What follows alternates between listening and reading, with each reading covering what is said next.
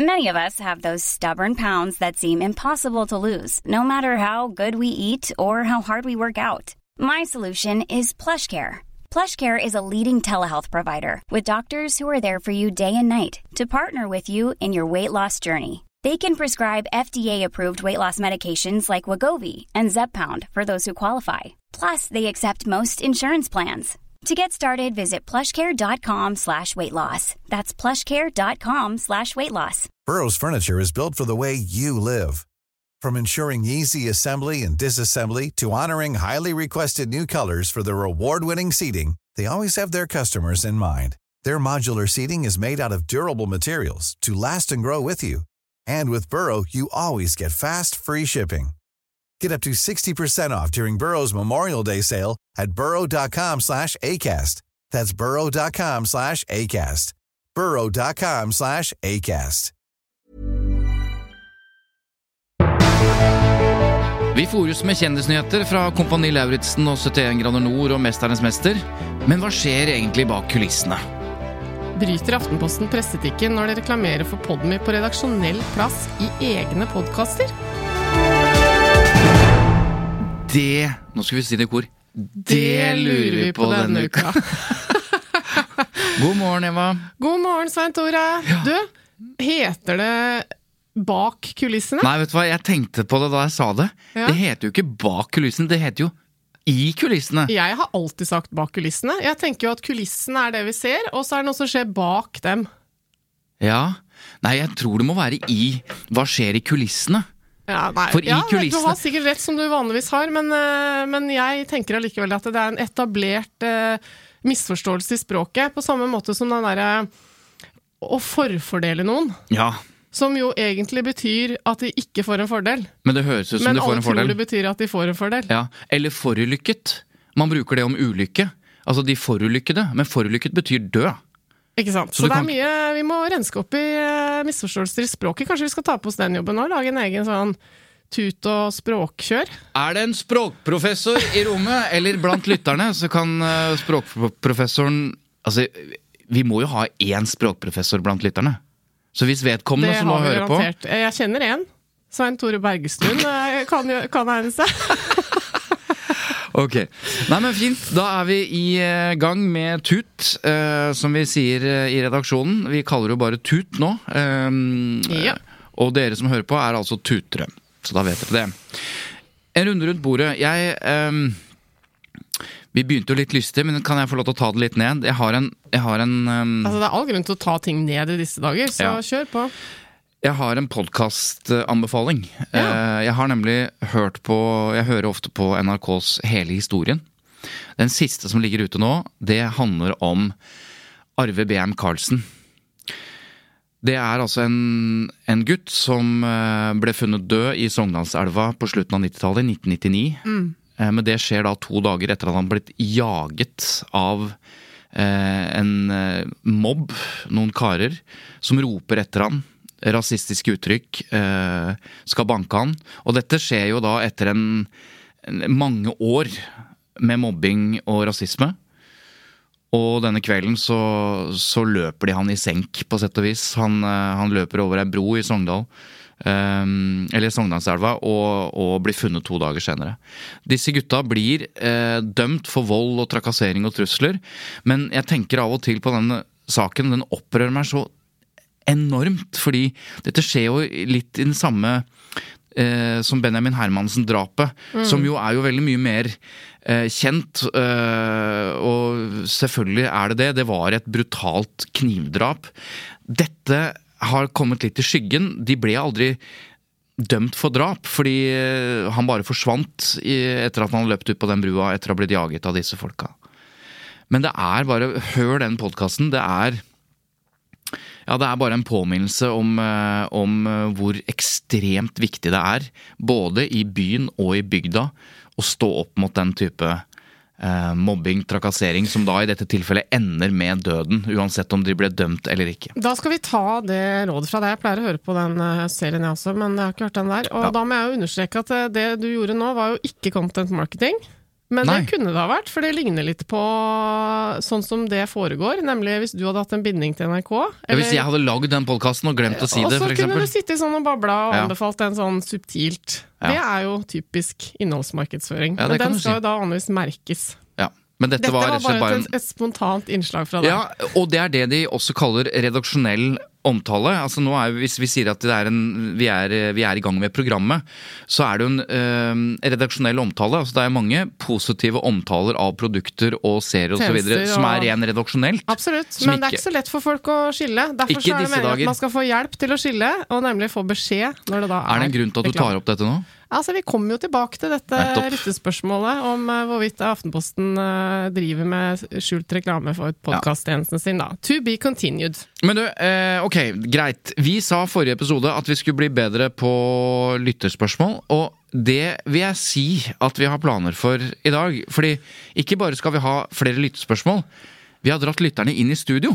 Eller lytteren, ja. Lytter, Ja, bare én, da. ja. Ja.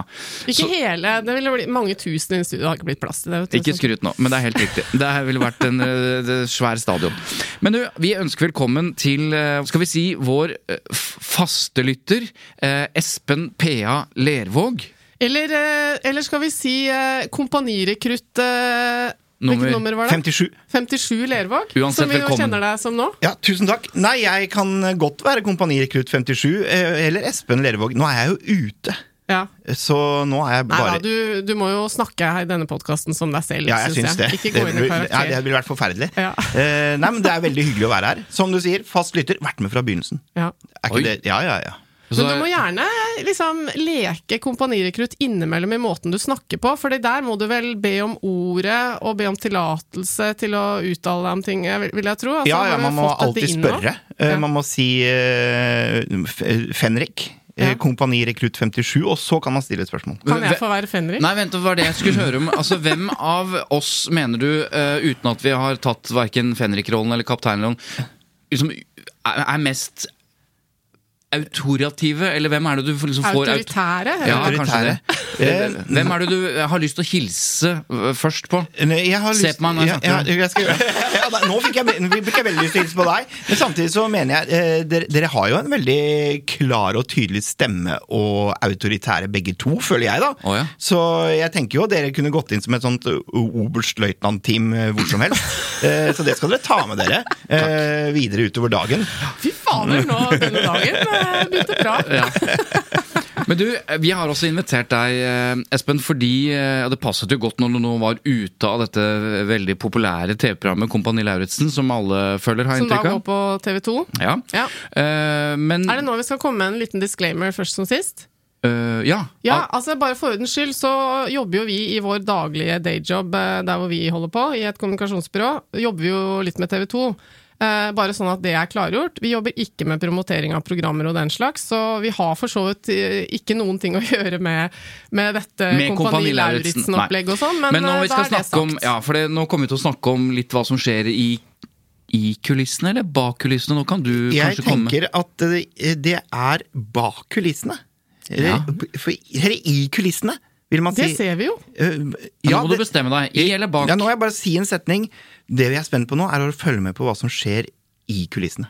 Ja, men Ja. da er det, jo, det er jo det vi ser på TV. Det som skjer i kulissene. Da, Nei, Nei, da ser er vi ser jo det som foran. foran kulissene. Ja, men kulissene de- er jo bak Men kulissene er jo landskapet i Åndalsnes. men i kulissene, der jobber det masse mennesker. Militærleiren er kulissene her. Nei, nei, nå må vi gå tilbake til teatret.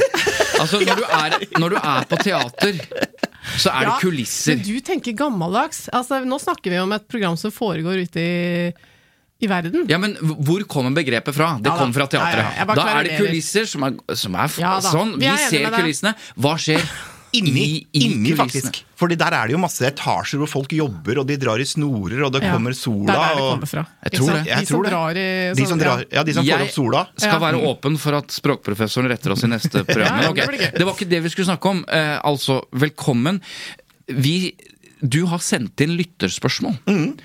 Og så istedenfor bare å besvare det, så tenkte vi at eh, nei, men eh, kom, kom heller hit. Ja. Så, så da skal vi bare ta, begynne med det første. Ja, Da trenger jo ikke du å lese det. Da kan jo Espen stille det spørsmålet Nei, det, selv. Han det, er, jo brudd, her. det er brudd på Ja. Nei, nei, konseptet. nei, ikke bli helt uh, nølete nå. Kom igjen, Espen. Ja, da skal jeg se om jeg husker det første. Først vil jeg bare si at uh, det, er jo ehm, eh, det som, var, det som er det, er at Når du er med i Kompani Lauritzen, det er et jag og et kjør uten sidestykke når det går på skjermen. Mye, mye journalister, mye ting og folk som skal ha tak i det. Ja. Og jeg må først bare få lov å si eh, å skryte lite grann av uh, journalistene jeg har møtt og hatt med å gjøre.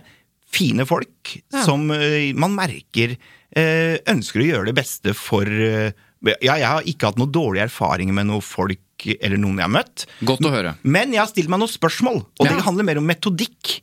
eh, og hvordan framgangsmåten er, da. Å, dette er interessant. Eh, Fordi jeg er jo som sagt nyhetsjunkie. Jeg føler med, det er en grunn til at man hører på deres podkast, er at man er interessert i journalistikk og kommunikasjon. Så da noterer man seg ting bak øret underveis. Så det, var, det første jeg stussa over, er når man møter konstellasjonen Dagblad, Rød løper, Se og Hør. Ja.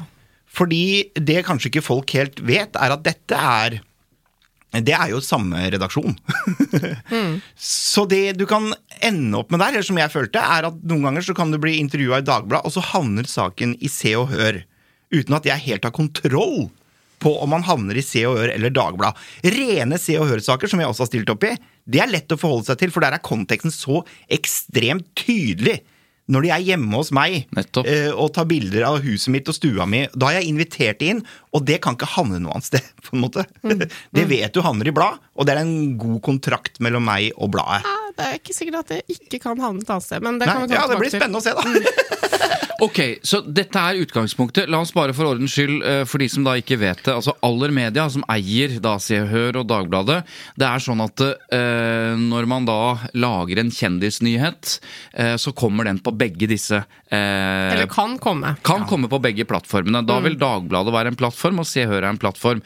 Rød løper, som du sier, er da skal vi si, et program på begge disse plattformene. Ja. Altså Om du ser Rød løper på seher.no eller Dagbladet, det er ett fett. Det Ja. er, et, det er et program. Ikke Å ja, det er et program? Jeg trodde du bare mente rød løper. Nei, ja, det, er, det er et program som da fungerer slags i midten der. Ja, det er, det er Ja. altså Se og Hør er en publikasjon. Dagbladet er en publikasjon. De er Begge fe- to i papir og nett. Nettopp. Og, utgave, og de har en sosiale felles, felles redaksjon eh, når det gjelder kjendisnyheter, og Rød løper er da programmet. Mm. Akkurat som eh, ja, hvis du går til TV-verden, da, så, så er det God kveld Norge. Altså Ja. Rød løper er God kveld Norge. Ja. Eller, ja. Og, og, og det at det, ha- For meg gjør det ikke noe om det handler noe for seg. Jeg er på en måte åpen, og, så, så det gjør ikke noe. Men for noen vil jo det være et problem. At eh, no, for det er noen som f.eks.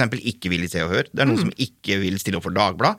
Ja, men da Eh, er det enkelt, for da sier du nei til begge deler. ja, da må, men da må du si nei til alt, da. Ja. Til rød løper òg. Ja, for det er, ja, for det er Rød løper er ikke noe annet, nei. Nei. nei. Og det her tenker jeg er sånn, for det vet ikke alle folk. Og jeg følte at uh, informasjonen jeg fikk Jeg fikk ikke velge om det skulle i Se og Hør eller Dagbladet på noe tidspunkt. Og det tenker jeg er et uh, ting man kan snakke om. Dette vet jeg du har snakket om før, Eva. Ja, vi har vært innom det før. Men hvorfor er du opptatt av dette? Nei, av, av egentlig akkurat samme grunn som, eh, som Espen. At uh, det er jo viktig at premissene er klargjort, og det er jo du opptatt av også, Svein Tore. Absolutt. Og, og da mener jeg jo, og det er jo fastslått i det etiske regelverket òg, at det er jo liksom ansvaret på mediesiden i å klargjøre premissene hvis man er usikker. Ja, og et viktig premiss er jo hvem ringer du på vegne av? Ja, og det har jo slått meg også at uh, dette alderssamarbeidet mellom eh, Dagbladet og Se og Hør, det er jo ikke liksom nødvendigvis helt allmenn kjent. Ikke sant? Man kan ikke ta for gitt at alle har skjønt og fått med seg det. Det er jo en gang sånn at Um, fysisk sett så jobber jo disse to redaksjonene i et stort hus på Hasle, heter det vel, der hvor dette Dagbladet og Allerhuset ligger. Og redaksjonene er jo i samme hus, og noen av dem har jo også en eh, signatur på e-posten sin, eh, som er kanskje Rød løper eller Dagbladet og Se og Hør eller Aller. Altså, Du kan på en måte forske deg fram til det hvis du er i skriftlig dialog med en journalist. Ikke nødvendigvis at de alle sammen er like flinke til å påpeke det når de sender deg, for vi har jo vært, jeg husker, er jeg husker ikke helt hva det gjaldt, men vi har vært i dialog med en journalist fra Dagbladet i en eller annen sammenheng, eh, med tut og mediekjør, Ja, ja. Og da husker jeg at jeg liksom stussa litt over det når jeg så den signaturen fra journalisten, og måtte spørre, eller bare liksom uh, undersøke om ja, det, hvor skal dette publiseres. komme. For at jeg er opptatt av det, og grunnen til at jeg er spesielt interessert i det, som du lurer på, det er jo min fortid, hvor jeg opplevde veldig det som du eh, er inne på. Nemlig at eh, altså For de som ikke husker noen ting om meg, naturlig nok, så var jeg da litt i vinden for er det 20-25 år siden det har blitt nå? Ja, 30, Eh, 35, eh, 40 med- Det er 40 år siden! Uff a meg! Tenk når jeg sitter her på mine eldre dager. For 50 år siden var jeg litt i mediene. Claim to I forbindelse med Nei, men du var sammen med kronprinsen i Spania. rett og slett. Ja. Og, mm, og så uh, kunne jeg ofte komme ut av døra hjemme, uh, og da sto det ti journalister der, hvis det hadde skjedd et eller annet eh, ikke så veldig liksom eh, nyhetsverdig. Det hadde ikke skjedd noe. Nei, det- du kom ut av døra, det var det som hadde skjedd. Og så, mm, og så irriterte det jo meg at ingen eller det, det kan godt hende at minnet mitt er litt sånn tabloid nå, på en måte, da, at det er litt eh, forenklet, men mitt minne er at ingen sa hvor de kom fra. De bare løp fram og skulle ha meg til å si noe. Eh, og det er jo naturlig å se for seg at det er vanskelig i den situasjonen at alle skal begynne med sånn Hei, jeg heter sånn, jeg kom fra VG. Hei, jeg heter altså, Det hadde jo ikke hjulpet så mye, det. på en måte, men men det, det slo meg gjennom flere år nettopp det at det, det irriterte meg så innmari at ikke folk hadde folkeskikk, og presenterte seg som hvem de var, hva som var deres eh, liksom, anliggende i situasjonen, og hva jeg kunne forvente meg av Det høres ut som jeg liksom Men hva på en sa annen de, planet, Espen? men- Ja, hva sa de når de henvendte seg til deg? Nei, de sa ofte eh, Jeg husker Dagbladet Dagblad Se og Hør blei sagt. Eh, Dagblad, eh, rent bare Dagblad, opplevde jeg. Og bare Se og Hør. Uh, og den som var bare Se og Hør, det føler jeg var den mest ryddige prosessen hvor jeg følte at jeg hadde mest kontroll. For der er, de er så avhengig av meg for å få den saken. Ja. At der er det Det, det er, det er det, er, det, er no, var liksom en, det var en hyggelig opplevelse, på en måte. Det, Ja. det var bare fint. Hvor jeg hadde kontroll på premisset. Barna mine ble avbilda. Da, har- da har du kontroll, på en Ja. måte. Da, da, da setter du de harde premissene. Eh, Men i den røde løper Det harde premisset var at barna mine skal også tas bilde Hvis ikke barna mine tatt bilde av, så, så stiller jeg ikke opp. Eh, Det var det harde premisset. For jeg begynner nå med denne kampanjen for å få barna mine. skal barna mine de, de må også ha noe å leve på. Jeg er frilanser, jeg. Det er ikke noen pensjon eller noen ting. Så nå begynte jobben. Ok. Må sluse dem inn i underholdningsbransjen. Ja. Nei, men Det er veldig enkelt å forholde seg til, da. Ja. Men eh, i- Og ikke, igjen må jeg presisere at det gjør Det har ikke gjort meg noe. Ikke noe skade. Ikke noe problemer i det hele tatt. Men det er bare sånn spørsmål jeg stilte meg. Hva om folk ikke vil at sakene skal handle begge steder? Hvor, for det jeg tenker at når du har blitt intervjua på rød løper, f.eks., så når de skal gjøre da tekstmateriale ut av dette, så er det en enkel greie å si sånn Du, nå har vi skrevet dette intervjuet. Vi kommer til å publisere det i Se og Hør på seohør.no eller seher.no, da. Og så kommer det i Dagbladet da. Og jeg, okay. hadde, jeg hadde sagt greit. Men var det, hva, opplevde du, bare for å avklare det, at de ringte fra Dagbladet, hei, det er fra Dagbladet, Mm. og så ble det publisert i Se og Hør? Ja, det mener jeg øh, og at det har blitt, ja. Ja. ja. Det tror jeg nok eh, ganske mange vil bekrefte at de i hvert fall har følt. Og så er det ikke dermed sikkert Nei. at det har vært gjort noe galt eh, i henvendelsen. For Kanskje man ikke har helt fått det med seg. Så har jeg snakket med Dagbladet. Ja. Altså ikke hele, da. Men uh, jeg, en som heter Mats Andersen, som vi har referert til før, som, er, eh, som nå ble jeg bråusikker på tittelen hans, men han er jo da eh, TV-direktør, eller direktør i Aller, som jo er overbygningen, ikke sant? som han har ansvar for. Så det er egne redaksjonssjefer for, for liksom rød løper og, og kjendisjournalistikken i Dagbladet, men han vet jo dette, så han sier at rutinene er at man skal presentere seg på vegne av både Se og Hør og Dagbladet hvis det skal publiseres i Se og Hør og Dagbladet. Ja. Så det er rutinen. Og, så er spørsmålet har det skjedd at man har glemt det, har du hørt dårlig etter, Espen, hva det måtte være. Men, men for å være djevelens advokat her, eh, et lite øyeblikk, siden dere da tar opp dette. Det å si at, eh, at man kommer fra Dagbladet eller Se og Hør, eller hvor skal dette på, er det ikke litt som å, er det ikke litt som å si at uh, Jeg vet ikke om det havner i TV 2 eller God kveld Norge. Altså, jeg mener, er vi ikke liksom Nei, Spiller er det noen rolle? Altså, ja, eh, og det høres ut som en eh, journalist slash redaktør som snakker. Og det er fint at du stiller det spørsmålet. Det, det som jeg tror er utfordringen her, er at det, eh, det, det finnes en logikk hos mediefolk, eh, sånn helt overordnet, som handler om at når du har gitt en uttalelse til en journalist eller til et medie, så er den gitt, og da, liksom, da eier på en måte mediet eh, den uttalelsen din, med mindre det er gjort en spesiell avtale Ja, om at du kan grabs. trekke den helt frem til publiseringstidspunkt osv. Um, Og når det da har skjedd, så er det akkurat som at eh, deres logikk ofte er at eh, da kan de gjøre hva de vil med den. Og så har det vært saker i PFU hvor man har gitt et intervju et sted, og så har den liksom, det kommet frem igjen deler fra det intervjuet senere, i en annen anledning når det du sa blir, blir aktuelt igjen. Og da er det litt sånn grenseland, men også da så vil nok mange medier føle liksom at ja, men dette er jo noe han har sagt i offentligheten, eller hun har liksom uttalt. Nettopp. Så det Men er det hele derre å ha kontroll jo ja, på sin egen Men hele eh, trikset er jo premisset. For dette, ikke sant? dette skjer jo f.eks. i et skipsstedssamarbeid. Der kan du si noe i en skipsstedavis, og Ja. så kommer det, har de et samarbeid, selvfølgelig, eller de deler stoff. Ja, jeg så- syns ikke det er noe bedre. For ja. Nei, det nei, kan men hør da, være like ille, det. Og det gjør de jo også like hele A-mediekonsernet, som består av 70 aviser, og Nettavisen. Da er det Nettavisen, og jeg kan lese i min lokalavis Ring Blad. Da får jeg se ting i Ring Blad som er fra en annen lokalavis rundt Ja. omkring i landet. Ja. Og uh, det samme er i og for seg Jeg kom til å tenke på det, jeg ble intervjuet av en sånn NRKs distriktskontor. Og da tenkte jeg ja, ja, Oppland. Ja, men det kom på Dagsrevyen. Ikke sant? Fordi de beste sakene i distriktskontorene kommer jo på Dagsrevyen. Og jeg tror ikke de sa det. Men ligger ikke hele Altså jeg mener at hele premisset her ligger i premisset. holdt jeg på å si.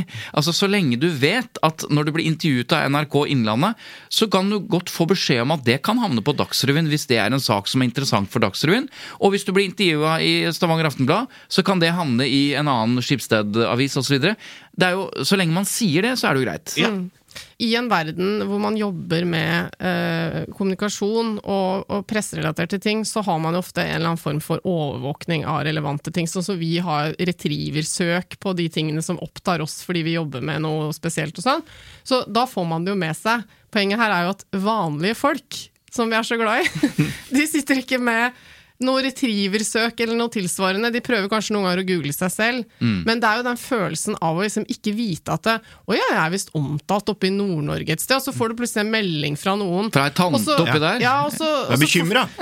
så finner du ikke helt fram til det, og, og sånn, og så er det kanskje en eh, abonnementssak, en plussak, sånn du ikke, ikke sant? Så det er den følelsen av å liksom Ja. ikke ha kontroll på sitt Men igjen, Jeg skal bare si en ting. men igjen, får du beskjed om at det kan skje? Ja, det var det jeg skulle fram til. At det, jeg vet jo nå, eh, etter at vi har begynt å jobbe med denne podkasten, jeg prøver da å være litt flink på den typen ting. Det vil si at eh, hvis vi har hatt en gjest her, hvis vi har hatt noen som uttaler seg på lydopptak, sånn, så prøver jeg å sende. ikke sant? Nå kommer det, jeg, sånn og sånn har skjedd, vi har klippet ut litt av det bare, eller nå er episoden publisert. Men det tar utrolig mye tid og energi å holde folk i loopen. Ja. Så jeg tror at noe av forklaringen her er at det er ikke praktisk gjennomførbart Nei. å holde på med det som jeg egentlig har lyst til at de skal gjøre. Nei, for det jeg vil at de skal gjøre, eh, det som jeg mener er det mest stuereine, som jeg også skjønner er vanskelig Og jeg eh, tenker jo at eh, så lenge Sånn som når, du er, jeg kan, når jeg er med i Kompani Lauritzen, kan ikke sammenlignes med når du dater en prins. Det, det kan de ikke, på en måte. For det, jeg, Det, jeg, Kronprins. jeg kan finne mange punkter hvor det er ja, sammenlignet. men, men jeg tenker på For, for jeg har jeg, Det er ikke noen saker som på en måte er Det er gladsaker. Ja, de er ikke ute og sant? De er ute og graver i- graver livet mitt.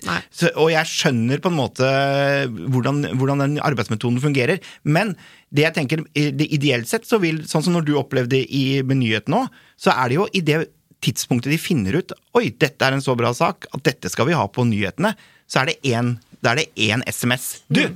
Vi syns dette er så bra at dette har vi lyst til å ha på nyhetene. dette sa jeg seinest da jeg holdt foredrag for en eh, redaksjon eh, i forrige uke. Da sa jeg husk på at for noen så er det å komme i avisa det skjer én gang i livet. Det er- ja, det er, kanskje det største eller, eller skumleste. Det kan bare du kan være forventningsfull og glad og vente og vente og vente som, på et oppslag som aldri kommer. Eller du kan være redd. Bare husk det, at Mm. for dere er det hver eneste dag. For enkelte kilder så er det en gang i livet. Ja, og da er det greit, som du sier, Espen. Send en SMS. Nå Ja. kommer oppslaget. Og onkler. det er en del som er flinke til det, det skal sies. Og jeg er også enig med deg i det du sa om at eh, Dagbladet og Se og Hør er kanskje blant de flinkeste noen Ja, ganger jeg, på jeg, sånn og jeg er kildepleie. Det er min imponert, opplevelse også. imponert over hvor eh, eh, flinke de er til å ivareta deg i prosessen, eh, Mm. må jeg si. I, helt nydelig. Du, har, du føler deg ivaretatt, du føler deg sett, og du kan, hvis du sier at dette, dette ble litt feil, så rettes det. Men kan ikke du fortelle litt, og det er veldig bra, og jeg tror noe av trikset hvorfor er Se og Hør-journalister Mange sier det at ja, jeg ble behandla veldig redelig der. Ja, Det er ikke noe baktanke med det, men det er selvfølgelig sånn at Se og Hør får flere saker og, flere, Ja, og tilgang til er flere kjente er mennesker hvis de deres. oppfører seg ordentlig. Og det er deres jobb, Ja. føler jeg. Men, eh, men eh, hva skjer i kulissene, bak kulissene? Vi har, eh, selv om vi har sagt disclaimer at vi, at vi eh, jobber med TV 2, så jobber vi også ikke med dette. Så- Jeg aner ikke. Nei. Jeg er kjempenysgjerrig. Det er jo for det første, når dere publiserer dere deltakere, eh, masse fine bilder på sosiale medier, og det er liksom nyheter om Kompani Lauritzen overalt. Hvordan er dette samspillet mellom liksom eh, tilretteleggelsen som skjer i, eh, i produksjon og TV 2, med å samarbeide med pressen? For det virkelig, det flyter jo godt sosiale sammen. medier. Ja. Nei, det er, det er et maskineri eh, som skal fungere her, eh, og det skal jo gagne alle, på en måte. Eh, så så du, du starter jo eh, med at de lanserer da deltakerne. Eh, og da er det jo et pressetreff. Eh, Det er jo dagen før vi åker inn i Kompani Lauritzen. Og da får den, de mediene det var i fjor sommer. ja, da, da får de mediene som har lyst, eh, stille opp, og så går vi en runde hvor alle får den, den praten de skal ha med hver enkelt deltaker. Og hvis du hadde bare liksom ikke hatt så lyst til det og vært sjuk den dagen, hadde det vært kontraktsbrudd, på en måte? Eh, Nei, det tror Nei. jeg ikke. Hvis du hadde vært sjuk, men jeg tenker eh, Ja, men hvis- du hadde ljuget på deg vært sjuk, ja, ja, men jeg tenker, jeg tenker også eh, Du vet hva du har meldt deg på. Ja. Eh, og hvis du har sagt ja til Kompani Lauritzen, Ja, eller andre, grunn. så har du på en måte bestemt deg for å bjuda på. Ja, Ikke sant? Og og det tenker jeg, det må alle deltakere som er med på det, eh, bare kjøpe, da. Ja. Så jeg tenker at hvis du har en tanke om at eh, jeg skal være med på dette, men jeg vil ikke i media, da kan du ikke melde deg på. Nei, nei, for Men jeg bare- har faktisk uttalt det i all offentlighet eh, en eller annen gang i et intervju på Drivkraft, var det vel, at eh, jeg gjerne skulle gjort akkurat det du sa nå. Ja. Vært med i Kompani Lauritzen. Ja. Med alt det innebærer. Uten media. Ja, uten media, ja, ikke sant?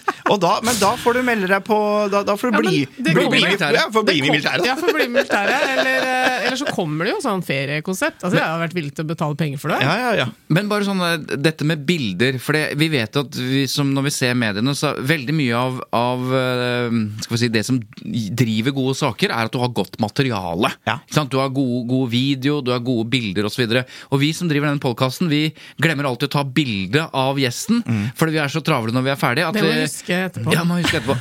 Eh, så, så det er et issue med alle sånne publiseringsgreier. Har vi gode nok bilder? Det virker som dere har veldig gode bilder. ja, og det er jo en settfotograf som er med hele veien. En Z-fotograf. Ja, Som rett og slett eh, er betalt uh, for å ta gode bilder. Ja. Uh, og dette får vi da eh, ikke tilgang til som vi vil, Nei. men det blir da distribuert ut til deltakerne i etterkant før hver episode. Sånn at ja, ikke vi, før vi, hver så, ja, derfor du må passe på så ikke, vi er, Det er mye idioter med disse programmene. vet du Vi må Ja. ikke spoile noe. Nei, selvfølgelig. Så, og, så de, så, og det må ikke være bilder hvor du da kanskje avslører at hvor, hvor er den deltakeren? Den deltakeren er der, ja, men den er egentlig ute. Og sånne ting. Altså, her er noen som sitter Her må, og her må det jobbes og øh, følges med i alle, alle bauger og kanter. men, men hva skjer etter en episode? Da får du en bildebank, da? Ja, Disse kan du bruke? I forkant av episoden, ja. Så får man jeg har bildebank. lagt merke til på Ja, din selvfølgelig i forkant, ja, for du skal jo publisere For den skal tease, vet du! Ja, ja. Det er jo, jo promoarbeid eh, indirekte. Eh, For jeg har lagt merke til at du og Emilie Stordalen sånn, noen ganger har sånne morsomme sånn, eh, Et bilde, og så nærmere, nærmere, nærmere. For Ja. eksempel når du var med Kamo og så helt gæren ut bak Ja. den maska. Ja, men det er jo ditt Har du sittet sittet da merkevare. og gjort det, eller Ja, er det noen som nei, det må jeg gjøre. Det må du gjøre. Så jeg tar ut de bildene i, sånn som i forhold til min Instagram, så har jo den en viss signatur, så må jeg passer passe på at det passer inn i miksen. Ja. Så ikke jeg, det, for det, folk, vet du, hvis de får noe de ikke er vant til, så forsvinner de, det er vet du. speaking like a true influencer. Det er sånn alle sånne influensere tenker. Det må liksom omgjøres til mitt, mitt konsept. Ja. Vi har kikket litt på ditt eh, avtrykk i media, Espen. Mm. Altså, Jeg sendte en mail til eh, vår eh, samarbeidspartner Retriever. Vi har nevnt det. Det er altså en, en, et selskap som overvåker eh, all medieaktivitet og Ja, gjør og da analyser. ikke, ikke overvåker Nei. i sånn russisk forstand, men mer liksom eh, tilbyr en tjeneste, da, Ja. hvor man kan få tall og statistikker om ting. Og, Ja. og, og de skriver altså siden 2021 og frem til i dag så er 70 av omtalen av Lervåg eh, knyttet til Kompani Lauritzen. Ja. Og for de som ikke kjenner deg så godt, du er jo da både skuespiller og komiker og eh, ikke sant? Du jobber jo i, delvis i offentligheten eh, og har masse følgere osv. Men når kompaniet tar over, Ja. da mer, hvordan merke, har du merket det? et, eh, jeg undervurderte trøkket. Ja. Og det er jo litt rart igjen, fordi som du sier, jeg har jo jobba i den bransjen lenge, både foran og bak kamera, på en måte, men jeg undervurderte hvor, hvor populært dette konseptet er. hvor mye media er interessert i det, og folk generelt. Så det har vært et kjør uten sidestykke. Beskriv litt hva slags kjør vi snakker om da. Nei, det altså. er daglige henvendelser fra media. Eh, Mens det programmet går, selvfølgelig. mens det ruller. ruller. Eh, og du er Du skal inn på eh, samtlige talkshow, radioprogrammer, eh, og du er en hot potet, da. Men igjen, så hvis jeg skal være den kyniske Espen, som jeg Man må være det òg. så er jo eh, hele Jeg tenker sånn, Du må være ærlig med hvorfor man er med òg, på en måte. For du, jeg vet jo at dette kommer. Ja. Jeg vet jo at eh, 70 Ja. Og da, det er ganske heftig Ja. i forhold til eh, at du har vært i media tidligere. Så ser du hvem boost det er, da. Og det er jo Man gjør seg mer tilgjengelig for uh, det jeg lever av, og det er et publikum, på en måte. Ja, for du, du lever jo av uh, Ja, Fortell, hvor, hva lever du egentlig av? Altså, Jeg- hvorfor trenger du den oppmerksomheten? Jeg trenger den oppmerksomheten for det første, for jeg lever av uh, sosiale medier. Jeg lever av å være kampanjer der, som jeg legger ut. Jeg lever av å ha et publikum som jeg kan levere Altså, humoren min til. kampanjer som du merker som reklame. Som jeg merker som reklame. Ja, mm. Igjen veldig interessant det du sa i stad. Det, det er bare en liten detour her. Eh, Jeg kan få kjeft fordi hvis jeg tar bilder på sosiale medier hvor jeg har på meg en genser med et ganske tydelig merke, Mm. at jeg ikke merker det reklame fordi jeg bare har den på meg. Nettopp. Ja, det, treng, det, skal du, det trenger du jo ikke. Nei, det trenger jeg ikke. Nei, men det, det da kan du få et kjør. Det er litt forvirrende for uh, dine følgere, vet du. Ja. Nettopp fordi at det er liksom vanskelig å vite når det er hva. Med mindre du er superflink til å gjøre det når det er reklame. Ja, og det er jeg. Ja. Men det var detoren. Du var, sier at du, Ja. du lever av uh, sosiale medier. Ja. Du er skuespiller. Jeg er skuespiller, jeg lager humor, jeg, jeg gjør forestillinger, jeg står på standup-scene, jeg gjør mye rart, så jeg er avhengig av et bredt publikum. Mm. Så det er på en måte min he- Jeg, jeg, går, jeg, jeg, går ikke inn i Kompani Lauritzen bare fordi det er gøy. Nei. For, For så gøy det. For så gøy var det ikke. uh, men jeg skjønner jo at dette er en vil gagne meg eh, på, på lang sikt, Ja. da. Nei, det syns jeg det er fint at du er ærlig på, for at eh, noe annet ville liksom vært Ja, jeg- Flere, flere kunne med fordel vært ærligere på hvorfor de Ja, stiller opp på Ja. ting. Og det tenker Ja. jeg det, fortjener, det fortjener folk å høre, for det, de fleste skjønner jo denne greia her. Så, så det er, og det er sånn, i forhold til pressen nå, da, som jeg, jeg sier nå, selv om jeg sa liksom, det har, jeg har hatt veldig god erfaring med pressen i den prosessen her. Og jeg har, for jeg har jo stått fram med en historie som er ganske heavy i forhold til alkohol og sånne ting òg. Behandla med respekt av samtlige, og det syns jeg er fint. Men det også som jeg tenker at vi som aktører kan tenke på i forhold til pressen, er at vi er like avhengig av dem som det de er av oss. Så du, det er ikke noe vits i å sitte og være sur for at de ringer deg. For en dag så går det over. En dag så er du ikke Ja. hot potet lenger. Så når de ringer, så må du i hvert fall uh, oppføre deg ordentlig og ikke si sånn nei, det gidder jeg ikke å være med på, hør hva de har å si. For dette er folk som Nettopp. Ja, det, dette er jo, nå er du kjernen av det som er utfordringen i dialogen mellom en del kjente profiler og pressen, når det eh, havner i PFU og sånn. Nettopp den logikken at eh, da vil jo PFU og pressen ofte ha den tanken at eh, dette har du bedt om sjøl. Du har invitert dem inn i livet ditt og i bryllupet ditt. Og, sånn. og så kan man argumentere for at eh, du har gjort det med et veldig, en, en eh, profesjonell inngang. Du sier, som du sa nå, at dette gjør du som en del av ditt virke. Instagrammen din er en del av ditt virke. Og problemet er jo at du da, i, denne, i dette sirkuset som man kan kalle Lauritzen-kompaniet, så har du dratt inn barna dine. Eh, og det er ikke noe kritikk eh, fra meg på det, men poenget er bare at når du da har gjort det, da vil det være veldig logisk for en journalist å tenke at eh, du har liksom gått over en eh, I den grad jeg prøver å tegne en veldig tydelig grense, da, om at mm. du er der som Espen Leve og komiker, skuespiller, bla, bla, bla, profil. Eh, Men når du liksom da har begynt å by deg på litt mer av livet ditt, som du sikkert allerede gjør, da, jeg følger deg jo, jeg har sett ungene dine mange ganger før, liksom. Men eh, ja, der, der blir det litt vanskelig, Ja, ikke sant? men der at- mener jeg igjen da, at jeg som aktør uh, sitter på ballen enn så lenge. Ikke Ja. sant? Fordi jeg har aldri Jeg bjuder aldri på barna mine hvis ikke det er en gitt kontekst hvor jeg har kontroll på det. Når barna mine figurerer i min Instagram, så figurerer de som en slags karakter i et univers. Ikke Ja, sant? Sånn er ser jeg på det. veldig mm. sies, ja. Eh, og, og det, er ikke, det er ikke unga mine som gråter, som er lei seg med ekte følelser. De er aldri ekte, hvis du skjønner. Det kan høres kynisk ut, men det mener jeg er viktig å skille. Men, Ja.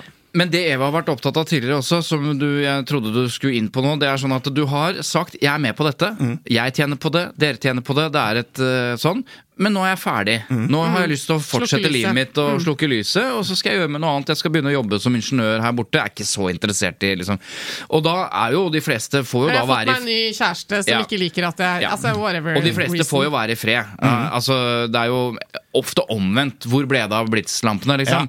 Men noen ønsker liksom bare Men da er jo logikken at ja, du har jo Du er jo øh, ønsket, du har utnyttet øh, liksom, Vi har utnyttet hverandre, du er blitt kjendis. Da må jo du regne med at vi banker på hvis det er dårlige tider også. Og Ja. det er jo noen som tenker at det har vært greit å bare slokke av lyset. Ja, men da tenker jeg at da må det Hvis du skal slokke det lyset, da, og hvis du vil trekke deg tilbake, så ser ikke jeg Så har ikke jeg møtt en journalist som med en ordentlig prat hadde forstått det. Hvis jeg hadde sagt at det var da, nå er det dette, nå vil jeg ikke mer.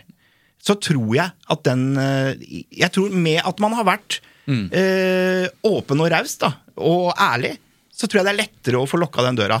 Eh, men nå er ikke jeg, jeg er ikke, Bare viktig å si til alle journalister Jeg skal ikke lukke den døra nå, altså. Du, vi, vi må videre. Vi har sagt at vi skal ha noen andre lyttespørsmål, men du hadde et lyttespørsmål nummer to. jeg har litt flere spørsmål til Espen først. Du Ja, ja, kan ikke skal, bare- jeg, skal ikke, jeg skal ikke takke han av. Nei. Men du har et, eh, du har et par part to-spørsmål. Så sier du eh, jeg skal sette det i gang, så kan du ta over. Det har vært mange intervjuer gjort via film. Mm. Det er hyggelig. Så oppstår problemer når filmede intervjuer skal over på trykk. Ja. Forklar, hva, du, hva mener du da? Det jeg mener med det, og det her er nok eh, mer sånn som jeg tror eh, disse, eller de som eh, gjør den jobben, å transkribere eh, fra film og over til tekst, må huske på når de gjør det, er at når du filmes og intervjues med et kamera, så bruker i hvert fall jeg som aktør eh, en del virkemidler som er ironi, sarkasme, eh, kroppsuttrykk, stemning. Som du som må ha- fullt ansvar å få over i den teksten du skriver, og det er ikke like lett. Nei, det er da du mener de skal skrive 'komma sier han med et smil'? Ja, sier han med et smil. Eh, det må man gjøre. Ja. For hvis Med ikke- blunkefjes. Med blunkefjes. Hvis ikke Ja. så kan eh, saken se helt annerledes ut Mm. enn det han gjør i den rallinga i et studio, for eksempel. Da. Ja. Og så er det ikke er normalt normalt å bruke emojis i journalistikk. Eller Nei. det har det faktisk vært litt kritikk om at Dagbladet gjør en del eh, Jo, men dette når er de poster ting på kjempeinteressant. Facebook. Eh, presseetisk, fordi at eh, du har jo sagt det. Ja, ja, ja. Ikke sant? Ja. Og da hvis man bare transkriberer sitatet, så sier mm. ja, men det er, det er dette som er sagt. Jo, men når du skriver det på den måten, så for, da tror jo 90 at det er det motsatte han sa. Ja. Fordi du får ikke med liksom ironien. Og det, er ve altså, det der er kjempeinteressant. Ja, altså. fordi at eh, pressen er jo på Det er jo påkrevd av pressen at de skal gjengi meningsinnholdet. Og det er litt sånn Det er der det blir litt interessant, fordi at ordene i seg selv kan uh, gi feil inntrykk noen ganger, da, hvis du ikke har med konteksten, Ja, som også er andre ting enn ordene. Ja, og det er jo uh, Og så, så opplever jeg da at i den uh, det greia så blir også videointervjuet lagt ned i bånn, ikke sant? Se hele intervjuet her. Mm. Men hvem gjør det? Ja. Nei. Det er Ja, men- Noen ingen som gjør det. det. Ja, noen gjør bare noen det. bare Og da de får jo den riktige Der, der, ja, ikke sant? Og der mener jeg at der, eh, altså de journalistene som sier ja, men han sa det, ja, men når du presenterer det, så er det ingen som skjønner det. Nei. Så du har ikke gjort jobben din. Ikke presseetisk, ikke på noen måte. Der mener jeg helt seriøst at det punktet som handler om å gjengi meningsinnholdet, det betyr at du skal gjengi det som faktisk du skjønte intervjuobjektet sa og mente. Du kan ikke da eh, liksom tviholde deg til sitatene. Det der irriterer meg, altså. Ja, og det er interessant. Og en ting er at de transkriberer det og skriver det i skriftlig journalistikk, men en annen ting er jo at du gir et intervju i en setting hvor det er mye tøys og moro og sånn, og så blir det klippet sånn at det er bare den ene kommentaren din som kommer med et eller annet nyhetsinnslag, Ja. hvor, eh, hvor man ikke får med det at eh, grunnen til at du sa det du sa, ikke sant, mm. var noe helt annet og så. Og det skjer ganske ofte, tror jeg, at Ja. folk føler ikke nødvendigvis at det er et sånn hardt presseetisk brudd, men at det bare at det var litt urettferdig at de valgte å gjengi meg bare på sånn og sånn. Ja, det er det man sitter igjen med, da. Ja. At eh, Skal dere lage den saken, helt greit det, men da må dere, lage, da må dere få med hele greia. Ja, og det tror jeg gjelder ikke bare i rampelysjournalistikk, det gjelder jo i ordinær Ja, ja. journalistikk på Jeg oppdager Liksom. jo hele tiden at uh, pressen uh, er ute etter at noen gir et uklart da. Altså Hvis du stiller et klart spørsmål, så blir det et uklart svar. Så tenker journalistene aha, her er det usikkerhet. Ikke sant? Vi må vise fram den usikkerheten. Så kan 90% av resten av intervjuet være krystallklart på at de faktisk mener at fargen er rød. Men akkurat det spørsmålet så var det litt usikker om den var rød eller blå. Så da blåser jeg opp den usikkerheten, for, å, for da, da tror jeg det ligger noe der. Men så hjelper det ikke at du sier ja, men det var bare klønete måte å svare på. Jeg mener at fargen er rød. Nei, men her var det blå. Og det der der, uh, ja, da kan jeg ralle lenge. Men vi må, vi Kan jeg få lov? Hysj, hørte du det? Det var produsenten som sa 'vi må videre'. Ja, og så sa hun der som aldri blir ferdig med ting. Ja, eh, hva sa hun nå? noe- Jeg må bare spørre. Eh, er det god lønn å stille opp i et sånt program, eller er logikken at du stiller opp fordi du tjener på det? Det er, eh, det er jo en lønn som eh, tilsier at ikke Jeg jobber jo, jeg jobber jo vanligvis. Jeg jobber med å utvikle TV-programmer og lage TV-serier. Så Mm. Det er jobben min. Jeg, hadde, jeg kan ikke tape penger, for da går familien min til grunne, på en måte. Ja. Så jeg vil si at ja, det er god lønn. Du kompenseres Jeg kompenseres godt for det jeg taper, ja, og litt Ja. på toppen der, på en måte. Ja. Eh, Og den er individuell. Den er individuell, og du, det, er, Ah. det er liksom til det er mer forhandling. til, Ja, det er forhandlinger. Uh, og, og den Du har jo en cut som tilsier at uh, jo lenger man er der, skal man selvfølgelig ha mer betalt.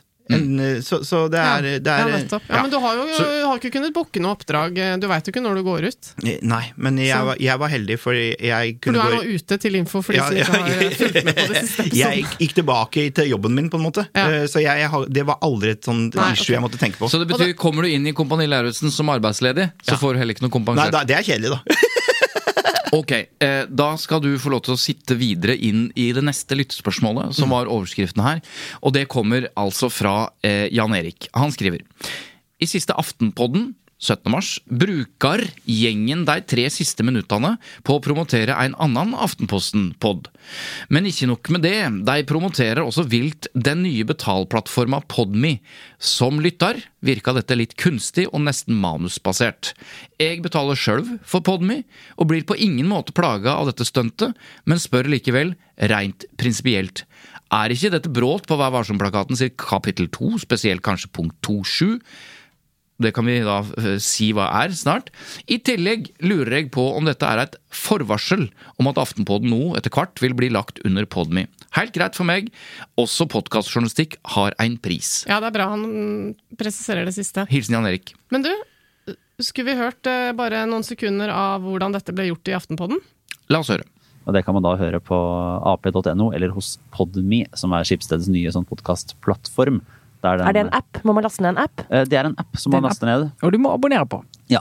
Men eh, Aftenposten-abonnenter, og i og for seg VG pluss-abonnenter og de fleste andre Skipsted-abonnenter, kan nå få eh, Podmy gratis. Eh, inkludert i abonnementet sitt. I hvert fall fram til august. Eh, så, sånn Og sett logge på som seg selv. Og logge på som seg selv. Nettopp, dette skal jeg klare. Så, så det er fullt mulig, og da får du både de podkastene du hører på ellers, altså du får jo alle liksom, som bare er der ute i verden, eh, og så får du alt det som uh, fins av eget innhold fra Aftenposten og andre skipsstedaviser. Og sånne mm, kjendispodkaster som eh, Ja, Papaya, tidligere Radioresepsjon finnes der, og Og sånn Herman der. Flesvig finnes der, og Tusvik og Tønne finnes Og. Harald Eia og Tore Sagen og sånn. Ja, ja ja, altså, Altså, mange hvite menn som snakker sammen på en gøy måte. Ja da. det er, ja, det, hvis, det er, eh, hvis, hvis det er en del av, eh, av opplegget, så får det. Men, det, men dette skal vi prøve å gjøre noe med, Sara. Ja. At det blir litt mer balanse. Nei, men, eh, så det var egentlig bare en anbefaling der. Så det var egentlig bare en anbefaling der, avslutter jo programlederen med. Det var Dette bare en liten altså anbefaling. Dette var altså fra Aftenpostens podkast Aftenpodden, som foreløpig da ligger ute på alle podkastplattformer. Men lytteren lurer jo da på om dette er liksom en snike... Eh, forberedelse til at de kanskje blir lagt bak eh, Ja, Det er andre delen av spørsmålet. Skal Ja. vi ta eh, Ja presseetikken først? Ja, mm. Eh, Vær varsom-plakaten, punkt tu, tu, put, Punkt tu. Punkt tu, syv. Journalistisk omtale av produkter, tjenester, merkenavn og kommersielle interesser, også mediets egne, skal være journalistisk motivert og ikke fremstå som reklame. Oppretthold et klart skille mellom markedsaktiviteter og redaksjonelt innhold. Gi aldri tilsagn om journalistiske motytelser for reklame. Unngå ukritisk videreformidling av PR-stoff. Ja, Det er første delen av dette som er interessant, punkt 2.7. Ikke sant? At det skal være redaksjonelt motivert. Ja. Det er hele poenget her. Ja. Og så høres det jo eh, tilforlatelig ut. Eh, jeg har en eh, god anbefaling. Det var dette vi snakket om i starten av episoden. Hvis, hvis jeg har lest om noe, eller hørt om noe, så kan jeg anbefale det. Det, det kommer fra hjertet. Nå kan godt hende at dette kommer fra hjertet, men det hørtes nå litt ut som på slutten der at det både var et manus og en ganske klar idé om hvorfor de skulle anbefale, ikke bare anbefale denne podkasten, men forklare hele Podmy-greiene som de blir en del av, som er Aften, eller Skipsted sin greie. Jeg vet ikke hvor redaksjonelt motivert man kan si det er. Man kan i hvert fall stille spørsmål ved det. Ja, for jeg er enig med deg. Dette kan jo absolutt være motivert av en genuin liksom, Sånn som det var for deg når du i innledningsvis snakket om podkasten Hele historien. ikke sant? Du har en anbefaling, og dette er en eh, spalte de har uh, ofte i denne podkasten uh, på slutten. Men, eh, og det er ikke noe gærent i det. Problemet er jo litt at eh, hvis, eh, hvis det denne gangen var det, men en annen gang ikke var helt eh, ærlig motivert, Ja. så, så blir det vanskelig for lytterne. Man sitter med en sånn følelse, og det er det som er problemet her. For jeg tror veldig mange, sånn som du også sier, du har en logo på genseren din. Det var tilfeldig, men det er jo vanskelig for dine liksom, følgere å forstå når du tenker det ene eller det andre. Akkurat som det er litt vanskelig for dine følgere noen ganger å forstå at du har gjort den og den vurderingen med barna dine, når man bare ser det i en graut av masse greier hele tiden. Så det, dette er litt sånn, det kommer av at det er vanskelig for publikum å være sikre på ting, og derfor må presseetikken være ganske streng på dette skillet her. Hvordan, hørtes, hvordan hørtes dette ut for deg? Nei, det starter som en anbefaling, og, men du, det, jeg syns det bikker over i det det begynner å gå sånn teknisk til verks om hvordan dette fungerer, og hvordan du skal logge deg på, og hvordan du skal Og da, da skjønner jeg Ja, det trenger man ikke Hvis det er en anbefaling, så trenger man ikke å gå så teknisk til verks om hvordan Nei. dette Nei, for produktet Sara er. Sørheim spør Å ja, det skal jeg få til. Liksom. Det, Ja. det kan fremstå som at de har planlagt litt at hun som nå jobber i NTB, komme litt sånn utenfra og ikke spille dum, altså. Men Nei, eh, hun er jo tilbake igjen i Skipsted, da. Det skal sies. Hun Ja, er jo ansatt i Hun har kanskje begynt, eh, begynt allerede? Ja, Nei, men, det? det er jo ikke begynt, men hun ja. Men poenget er i hvert fall at der det begynner å skurre for meg, er nettopp det du sier. Når du begynner å forklare teknisk, men ikke minst når Trine Eilertsen begynner å snakke om alt det andre fine som er der. Altså Herman Flesvig og Radioresepsjon. Når er det Trine Eilertsen ellers snakker om Herman Flesvig og Radioresepsjonen? Det er mulig det også er en anbefaling, men for meg så fremstår det at på slutten her så har de blitt enige om at dette er innafor. Vi kan anbefale, vi kan forklare lytterne. Det er ren eh, lytter... Det er en slags tjeneste til lytteren. Og jeg sier ikke at det er et presseetisk brudd, men det er interessant hvordan det blir gjort. Ja. Og det er selvfølgelig helt greit at et mediehus inviterer til ulike arrangementer og selger ulike typer produkter og tilbyr tjenester og sånn. Det gjør jo de fleste mediehus i dag. Men eh, det er jo det at eh, det må være et tydelig skille da, eh, når det, når det plutselig blir et behov for å reklamere Men, for men i det der også, så må det bli, er det jo vanskeligere og vanskeligere å være i et mediehus over tida. For jeg, du ser jo sånn som VG, i, i nesten hver sak som omhandler en profil nå, så må du jo Ja. ha en halv side med tekst i bånn for å avklare bindinga, ikke sant? Mm. Så det begynner jo å bli komplisert Ja, å sitte det. der og lage noe som helst. Så, så det, det, spørsmålet er, sånn helt, hvis man skal stille et ordentlig spørsmål, hvor lenge kan en sånn, et sånne medier fungere både redaksjonelt med å lage stoff og underholdning? Fordi på et eller annet tidspunkt så vil de to verdenene krasje. De har jo krasja for lengst. Ja. Og jeg tenker at det, dette er jo en debatt som jeg tror om noen år vi vil bare liksom le litt av at vi satt og brukte masse tid på å snakke om disse tingene, for da tror jeg vi vil oppleve det som at eh, eh, Sånn var det før. At vi hadde en eller annen illusjon om at eh, pressen var helt atskilt fra alt som har med liksom, promotering av ting og markedsføring av ting og sånn, for det går så i hverandre Ja. av hva skal jeg si, internett da, og sosiale medier.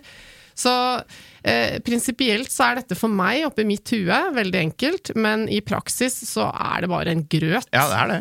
Eh, og all ære til mediene for å prøve å ha det de kaller tette skott og tjukke vegger mellom de som sitter og eventuelt da skriver det som kunne, kunne sett for oss at det var et manus her.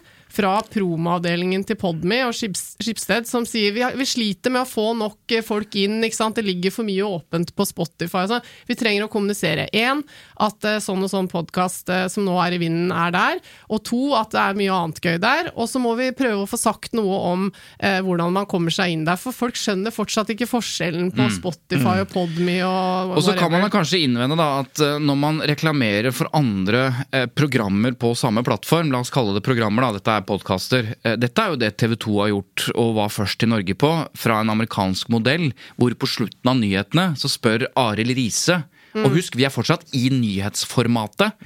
Så kommer det det vi kaller på TV-språket en butterfly. Fra nyhetsstudio til The Voice eller Idol eller hva det er, så ser du både nyhetsankeren som plutselig går ut av sin rolle eh, som nyhetsanker, og inn i den nysgjerrige, nysgjerrige eh, TV-serierollen. Hva har dere på programmet i dag? Spør aldri Riise. Og så kan, eh, kan da, eller Senkveld, da, kan mm. Helene Olafsen si ja, i Senkveld i dag. En ren reklame, en teaser. Og det, det er jo ingen som har problematisert det, så vidt jeg eh, forstår, rent presseetisk. Det er jo noe av det samme. Men vet dere hva? I det vi nå snakket om det For jeg har jo selvfølgelig spurt Trine Eilertsen om hun kan besvare dette lytterspørsmålet. Ja. Eh, det gjorde hun akkurat nå, for vi jobber med tighte tidsfrister Ja, her et gjør uten Det- Jeg har stilt spørsmålet på vegne av lytteren, sendt spørsmålet til Trine Eilertsen, som er redaktør i Aftenposten. Eh, hennes svar er Godt spørsmål. Vår tanke er at det er god lytterservice å fortelle lytterne hvor de finner innholdet fremover. Så kommer vi til å kjøre mer kommersielt utformede kampanjer i tillegg, men de markeres som reklame, og vi bruker aldri manus. Ja. Så ehm, det var jo det jeg var inne på. ikke sant? At eh, Du kan i hvert fall forklare dette med at det er en lytterservice. Hvis vi først skal anbefale noe, så må vi nesten fortelle hvor og hvordan osv. Ja. videre Absolutt. Nei, og altså, tror jeg dette kommer opp ekstra mye fordi Aftenpodden er en uh, nyhetspodkast hvor selve redaktøren sitter der. Ikke sant? Folk som driver med nyhetsjournalistikk. Det ville kanskje ikke vært opplevd like hva skal jeg si, ille hvis det var hva, Mats Hansen eller Flesvig og gjengen. Ikke sant? Litt mer sånn der underholdnings... Jeg, jeg lurer på om man ikke hadde tenkt så mye på det da. Det har jo, men, men, men du kan jo bare gå til rikskringkasteren vår, NRK, og se hvor mange, når de lager en TV-serie, hvor mange redaksjonelle innslag de har om denne Ja. TV-serien. Folk i studio til å snakke Her. om denne TV-serien. Det, er- det er jo rett og slett eh, Der tenker jeg det tråkkes langt over. Ja da, og vi har fått lyttespørsmål om Ja, det, og fra og her- dokumentarer de lager og sånn. er selve testballongen. Hvis eh, du har reklame for egne programmer, så skal det være redaksjonelt betinget eller motivert. Men hvis eh, Du må jo teste, da. Ville du hatt like mye reklame for konkurrentens programmer? Og det ville du ikke. Og da er det egentlig svar på spørsmålet. Har du, ville du gjort akkurat det samme med hvilket som helst annet produkt? Nei, du gjør det fordi det er dine egne. Og det mener jeg er en slags rettesnor, da. Ja, det er det, og det er helt sant. Og ser, det, den overtrampen er ganske tydelig. Sånn som jeg ser eh, det, Nå kan jeg si det, da. På TV 2, for eksempel. Eh, som noen ganger til og med anmelder sine egne TV-serier, som jeg også syns er en slags sånn eh, hvor du, du ikke din egen TV-serie som du jobber for en kanal, terningkast 2. Nei, men gjør de det? Nei, det gjør de ikke! Nei. Men da, derfor oh, ja. mister jo helt Det er jo Jeg null tror at hvis vi hadde stilt spørsmål til, til journalist, altså til redaktøren i tv2.no, så ville svaret vært at det kan de hvis ja, de vil. Ja, hvis de vil, ja. Ja. Men, men vil du det? Vil du det? Kan du med helt troverdighet i hjertet si at jeg vil i en TV-serie som min arbeidsgiver skal tjene penger på, terningkast to? Men dette Det skjer- en rutine er at de setter ut jobben til en Riktig. frilanser. For dette skjer i litteratur, f.eks., eksempel, eh, og for så vidt andre sammenhenger. Hvis, er, hvis VG-journalisten har skrevet en dokumentarbok, en sakprosabok, er altså anmeldelsen av noen helt eksterne som gir terningkast to, hvis de vil det, selvfølgelig. Ja. Og så står det under at uh, den er uh, anmeldt utenfra. Eller man Og holdt på å si, det bør man jo gjøre iblant, nettopp for å skape Ja, en sånn jeg så en Men jeg- anmeldelse, anmeldelse av en, eh, i VG i går av en, som hadde anmeldt en ukrainsk forfatter, gitt en terningkast fem. Ja. Den, der også tenkte jeg sånn, du skulle hatt rimelig Ja. rå hvis du hadde gitt en terningkast to. Ja, ikke sant? Samme, jeg gleder meg til Eurovision-finalen. Ukraina vinner, jeg setter 1000 Ja, ja, kroner. ja. Selv om låta er i hvert Men da må de arrangere det neste gang, og det veit jeg ikke om vi vil. Men du, jeg hadde bare lyst til å nevne at Aftenposten har vært i dette før. Jeg skal bare kjapt si det. eh, At eh, jeg var med å behandle en sak i 2018 eh, hvor Aftenposten var litt i en tilsvarende situasjon. Fordi at de arrangerte det som ble omtalt som omkampen. Altså denne fotballkampen mellom Norge og Brasil, som skulle da kjøres om igjen med de samme, i hvert fall mange av de samme stjernene osv. Mm. på Ullevål, tror jeg det var. Eh, og det var massiv omtale. Altså, man kan jo absolutt si at den var redaksjonelt motivert, og at den ville blitt uh, omtalt også hvis den omkampen var arrangert av Fotballforbundet eller Ja. Ho- Honos, liksom. Eh, men dette var da et Aftenposten-arrangement. Og det var Aftenposten som solgte billettene. Ja, og, og, og det fikk masse omtale, både redaksjonelt, men også i flere medier, og det ble laget podkast, så dette var et konsept som det var masse greier rundt da. Eh, og det ble jo da klaget inn til PFU, og for nye lyttere som jeg bare kjapt gjøre rede for Pressens faglige utvalg, er jo da Pressens selvdømmeordning, hvor denne Vær varsom-plakaten som vi leste opp fra i stad, blir håndhevet. Ikke som juss, men som et etikkregelverk hvor man får Uh, ja, man uh, må gå the walk of shame hvis man blir felt i PFU da, for et eller annet presseetisk brudd. Og så var det flere ting i denne omtalen som ble vurdert, men de ble faktisk felt da, eh, for eh, skillet mellom markedsaktivitet og redaksjonelt arbeid, eh, fordi det var uklart. Delvis fordi det var eh, Forsiden av papiravisa hadde noen sånne gule bomber med litt sånn pris og 'her kan du handle', det var flere lenker på nettet til eh, 'her kan du kjøpe billetter' og sånn, så det ble veldig rørete for Det ble folk. blandings... Ja, rett og slett. Ja. Så, men, eh, så jeg tenker at fra den saken så lærte de nok mye, for den var veldig lett å legge frem og se liksom her er det brudd og her er det ikke brudd og sånn, mens, det, mens dette lille liksom opplegget i podkasten er litt mer uklart, da. Kan jeg bare si en, en liten sånn digresjon når, fikk, når vi fikk dette svaret fra Trine Eilertsen? Noe som jeg syns er skillet mellom Altså Når vi stiller spørsmål til mediene, så har vi av og til eh, en følelse av at de er veldig selvrettferdige, og de, de bare eh, Dette er prinsipielt, og dette er ikke noe problem. Og, altså, de er så sikre da, på liksom, svarene. Det er liksom ikke så mye selvkritikk. Og det er ikke noe selvkritikk i det her, da. men bare det å besvare vårt lytterspørsmål, er ikke dette problematisk? Med å begynne Godt spørsmål! Ja. Så Men nå skal du høre her, er jo svaret, da. ja, jo, men for så vidt. Men vi tenkte i hvert fall på denne måten. Ja. Og jeg syns den tilnærmingen er så mye bedre enn bare På ingen som helst måte! Dette er helt uproblematisk! Ja. Jeg tenkte jeg bare skulle si det. Men um, vi må gå inn for landing. Men vi, jeg har lyst til å gjøre det med et spørsmål, lyttespørsmål til. Um, det er et ganske langt spørsmål, så jeg skal eh, komprimere det. Uh, det refererer til vår gjennomgang av Hadia Tajik eh, sin sak, og hvordan man håndterer dette. Det ble jo sagt av veldig mange at hadde hun håndtert det annerledes, så kanskje utfallet hadde vært noe annet. Det var altså vi inne på. Så er spørsmålet fra lytteren. Har dere gode eksempler fra vårt samfunnsliv på situasjoner hvor noen la seg flate Sorry, Eva, for metaforen. Med en, med en gang, og derigjennom forhindret en større skandale. Med stor sannsynlighet endret utfallet i saken. Det hadde vært gøy å høre om. Fordi han skriver litt tidligere at det, det kan jo hende at hvis du legger alt på bordet med en gang, så er det også så mye at du fuck it, du må bare gå fra jobben allikevel. Ikke sant? Altså At du legger deg flat med en gang, og så unnskylder han til meg fordi jeg er ikke så glad i det uttrykket. tror jeg seg er flat, det han riktig. mener. Ja. Men eh, kan, kan dere komme på noen som bare eh, håndterte det helt ypperlig? Veldig kritikkverdig, noe må ha skjedd, da. Mm. Og så bare Vet du hva? Unnskyld, dette er helt grusomt. Jeg legger meg flat, eller gjør en eller annen sånn. Og det er ekte. Og så gikk det bra. Noe av grunnen til at vi ikke husker dette så godt, er jo at når det går bra, så blir det jo ikke noe skandale. Nei, det er det. Fordi at nå har du sikkert tenkt på et eksempel. Jeg skulle ønske jeg hadde hatt litt tid, for det er sikkert noen gode Ja, det, der. tro, det, det må være noen som har gjort det. Eh, Dere kommer til å huske det når jeg nå sier eksempelet. Ja. Husker dere eh, Fremskrittspartipolitikeren Bård Hoksrud? Ja, ja. Riga. Riga, ja. Han satt gråtende hjemme i sofaen Ja. og angret som en hund for å ha besøkt et bordell i Riga. Uh, og han mente det. Til, Mm. altså Det så ut som han mente det fra hele sitt hjerte. Og det har vel sjelden blitt liksom presentert en mer sånn ekte uh, beklagelse. Uh, stor skandale, ikke sant? Politisk skandale. Eh, vel, han er jo en av de mest populære Fremskrittspartipolitikerne den dag i dag. Har vært statsråd etter dette, osv. Mm. Det er jo ikke alle politikere som hadde overlevd uh, det å gå på bordell i Riga, uh, nødvendigvis. da. Nei. Det vet vi jo ikke, så det er ikke matematikk her, men det er i hvert fall ett eksempel jeg kom Ja, på i farten. Nei, det var et godt eksempel. Jeg tror jo også at uh, han Ropstad Ja. fra KrF øh, Jeg tror at øh, dersom han hadde gjort det han gjorde litt for seint, Mm. øh, det å sitte i et TV-intervju og bare være ærlig og 'dette er ikke greit', liksom han Mm. var veldig, Hvis han hadde gjort det tidlig, så hadde han fortsatt vært øh, der han var. Ja.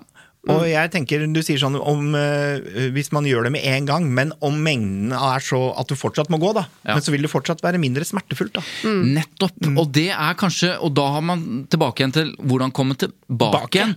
For hvis, det kan jo hende, som, som den lytteren eh, antydet, som jeg ikke leste, men som han eh, skrev, da, at hvis det er for mye Og du bare tar alt på en gang. Du bare tenker sånn, nå må jeg håndtere dette riktig. Mm. Jeg har snytt på skatten, jeg har gjort sånn, jeg har gjort sånn. Ah, det er fem ting. Jeg, jeg bare tar det med en gang. Ja. Og så sier jeg beklager. Det kan være for mye til å beholde jobben, Ja. men hvis du gjør det ekte, Ja. så er det mye lettere å komme tilbake. Ja, ja, ja. Og jeg, jeg skjønner heller ikke at når, når det begynner å blåse, da, når, når disse pendlerboligsakene kom opp, så vet du disse tingene i, i det stille sinn. At jeg også har noe gærent her. Da har du mulighet til sånn full attakk. Ja. Og bare- Hvis du erkjenner overfor deg selv, som Ja. ikke alle har gjort i denne Nei, saken, at du har gjort noe gærent. Ja. Ja. Så er det bare å gå full av takk og gå ut og si 'se her hva jeg har gjort', da. Ja. Jeg kom på en til, bare helt på tampen. Det er en programleder i, eh, i P4 som, og dette er helt offentlig, han øh, kjørte i fylla for tredje gang. Ja. Altså, ikke sant? Og dette går ikke. Dette er ikke forenlig sånn og sånn. Han står på TV og kommenterer håndball og er en stor profil. Ja. Dette er en stund siden. Han, altså jeg har eh, ved siden av Hoksrud sjelden sett en eh, flatere mann og en mer ektefølt beklagelse. Hvor er han nå? Tilbake igjen i jobb, kommentere håndball. Ja. Er eh, Northug et eksempel her? På en som egentlig var ganske raskt ute med å bare Ja, men- Når han først kom og sa noe, så var Vi han i kan jo stille spørsmål. hvor er Northug nå? Ja. På TV. Ja, men han, gjorde, han har noe annet i tillegg, for han har dette eh, vi nordmenn er glad i. Eh, jeg tror han, han eh, hadde den fordelen at han var Petter Northug. Han var Ja. vår Ja. helt. Eh, så han Det er ikke så lett å sammenligne Nei, med for han ville vi vel. Ja, Eh, så han tror jeg hadde en slags sånn sympati å flyte på. Du mener at ikke alle ville Ropstad vel, eller? Eh, jeg, vi, vi vil tro det. Nå tror jeg veldig mange Ja. flere enn Nettopp. før han ga det intervjuet. Ville han vel, i hvert fall. Nei, nei, Pendelen har nesten svingt den andre veien. Altså Bare fordi du sitter med Jeg Egil Svartdal pastoren der og sier vet du hva Og hva- var trikset? Ikke bare ekte beklagelse. Han sa det alle tenkte. Jeg skulle ikke utnyttet systemet. Jeg tror vi brukte også ordet 'begunstige meg'. Ja. Og det er, det er, der Og har når du du treffer på hva alle tenker, ja. der sa han det. Greit, da er vi enige. Ja. Nei, det er mye å lære. Men uh, Det er fint at vi er tilgivende, vi mennesker. Ja, Ja, Sånn når alt kommer til alt. Ja, fordi folk liker jo å høre at andre også er litt sånn Det er litt snusk her Ja, og der. Altså, det er det hos oss alle. Ja. Det snusket får du høre, høre mer om i neste episode av Tut og Bødekjør. Tusen takk, eh, Espen P.A. Lervåg. Hva står PA for? Petrus Andersen. Ok. Det står ikke for PA-anlegg. det, det blir alltid skrevet som PA uten punktum mellom P Ja, og A. ikke, det virker det som en skrivefeil. Ja, det er, men det er Petrus Andersen Ja. Lervåg. Okay. Mm. Er du, kan det være at du er født på et tidspunkt hvor Jens Petrus var populær på NRK? Jeg, sk- jeg skulle likt å svarte ja på det. Jeg har tatt Petrus og Lervåg. Lervåg er kona mi. Ja. Så ja. jeg tok navnet hennes. Het Espen Andersen. Verdens kjedeligste. ja, ja, da skjønner jeg det. Og så het hun Petrine, Karoline Petrine Andersen Lervåg. Fikk post hvor det sto Karoline P.A. Lervåg etter vi hadde gifta oss. Jeg må inn på MyHeritage, riste slektstre, finne en Petrus. For jeg vil også ha det P.A. eh, i navnet mitt. Fant en. Petrus? Fant en Petrus eh, noen ledd bak der. Og nå har jeg barna Edvin Petrus Andersen Lervåg og Amy Petrine Andersen Lervåg. Fantastisk Driver og bygger historie. et imperium ute på Sørumsand med noen skyskraper og greier, så P.A. Lervåg kommer til å stå for evig tid. Okay. Det blir Lervåg Tower. Eh, Tusen takk for at du kom. Eh, Tusen takk til deg, Svein Tore Bergestuen. Tusen takk til deg, Eva Sandum. Og eh, Espen, at du har hørt alle episodene, eller i hvert fall vært med fra starten av, setter vi veldig pris på. Du får eh, en merchandise. Får kaffekopp når vi får eh, flate. trykt opp noe sånt. Det gleder jeg meg til. Send inn flere lyttespørsmål, og så høres vi igjen eh, når du har lyst. Ja. Ha det. Ha det. Vent, vi må glemme å si at det er produsert av Må vi glemme det? Det er produsert, dette er produsert av Lyder Produksjoner. Helt riktig, og det Takk til vi Simon som klipper. så pris på. Sånn. Simon Aarseth heter han faktisk. Ja. Ja. ja, han har et etternavn. Ja, han har det. Ja. Ja. Takk for nå. Takk for nå.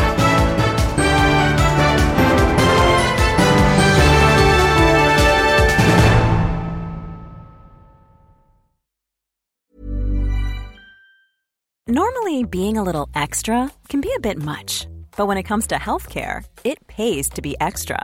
And United Healthcare makes it easy with Health Protector Guard fixed indemnity insurance plans. Underwritten by Golden Rule Insurance Company, they supplement your primary plan, helping you manage out of pocket costs without the usual requirements and restrictions like deductibles and enrollment periods. So when it comes to covering your medical bills, you can feel good about being a little extra. Visit uh1.com to find the Health Protector Guard plan for you. Hey, it's Paige DeSorbo from Giggly Squad. High quality fashion without the price tag. Say hello to Quince.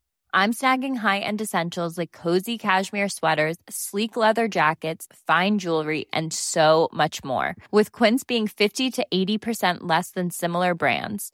And they partner with factories that prioritize safe, ethical, and responsible manufacturing. I love that. Luxury quality within reach. Go to quince.com slash style to get free shipping and 365 day returns on your next order. Quince.com slash style.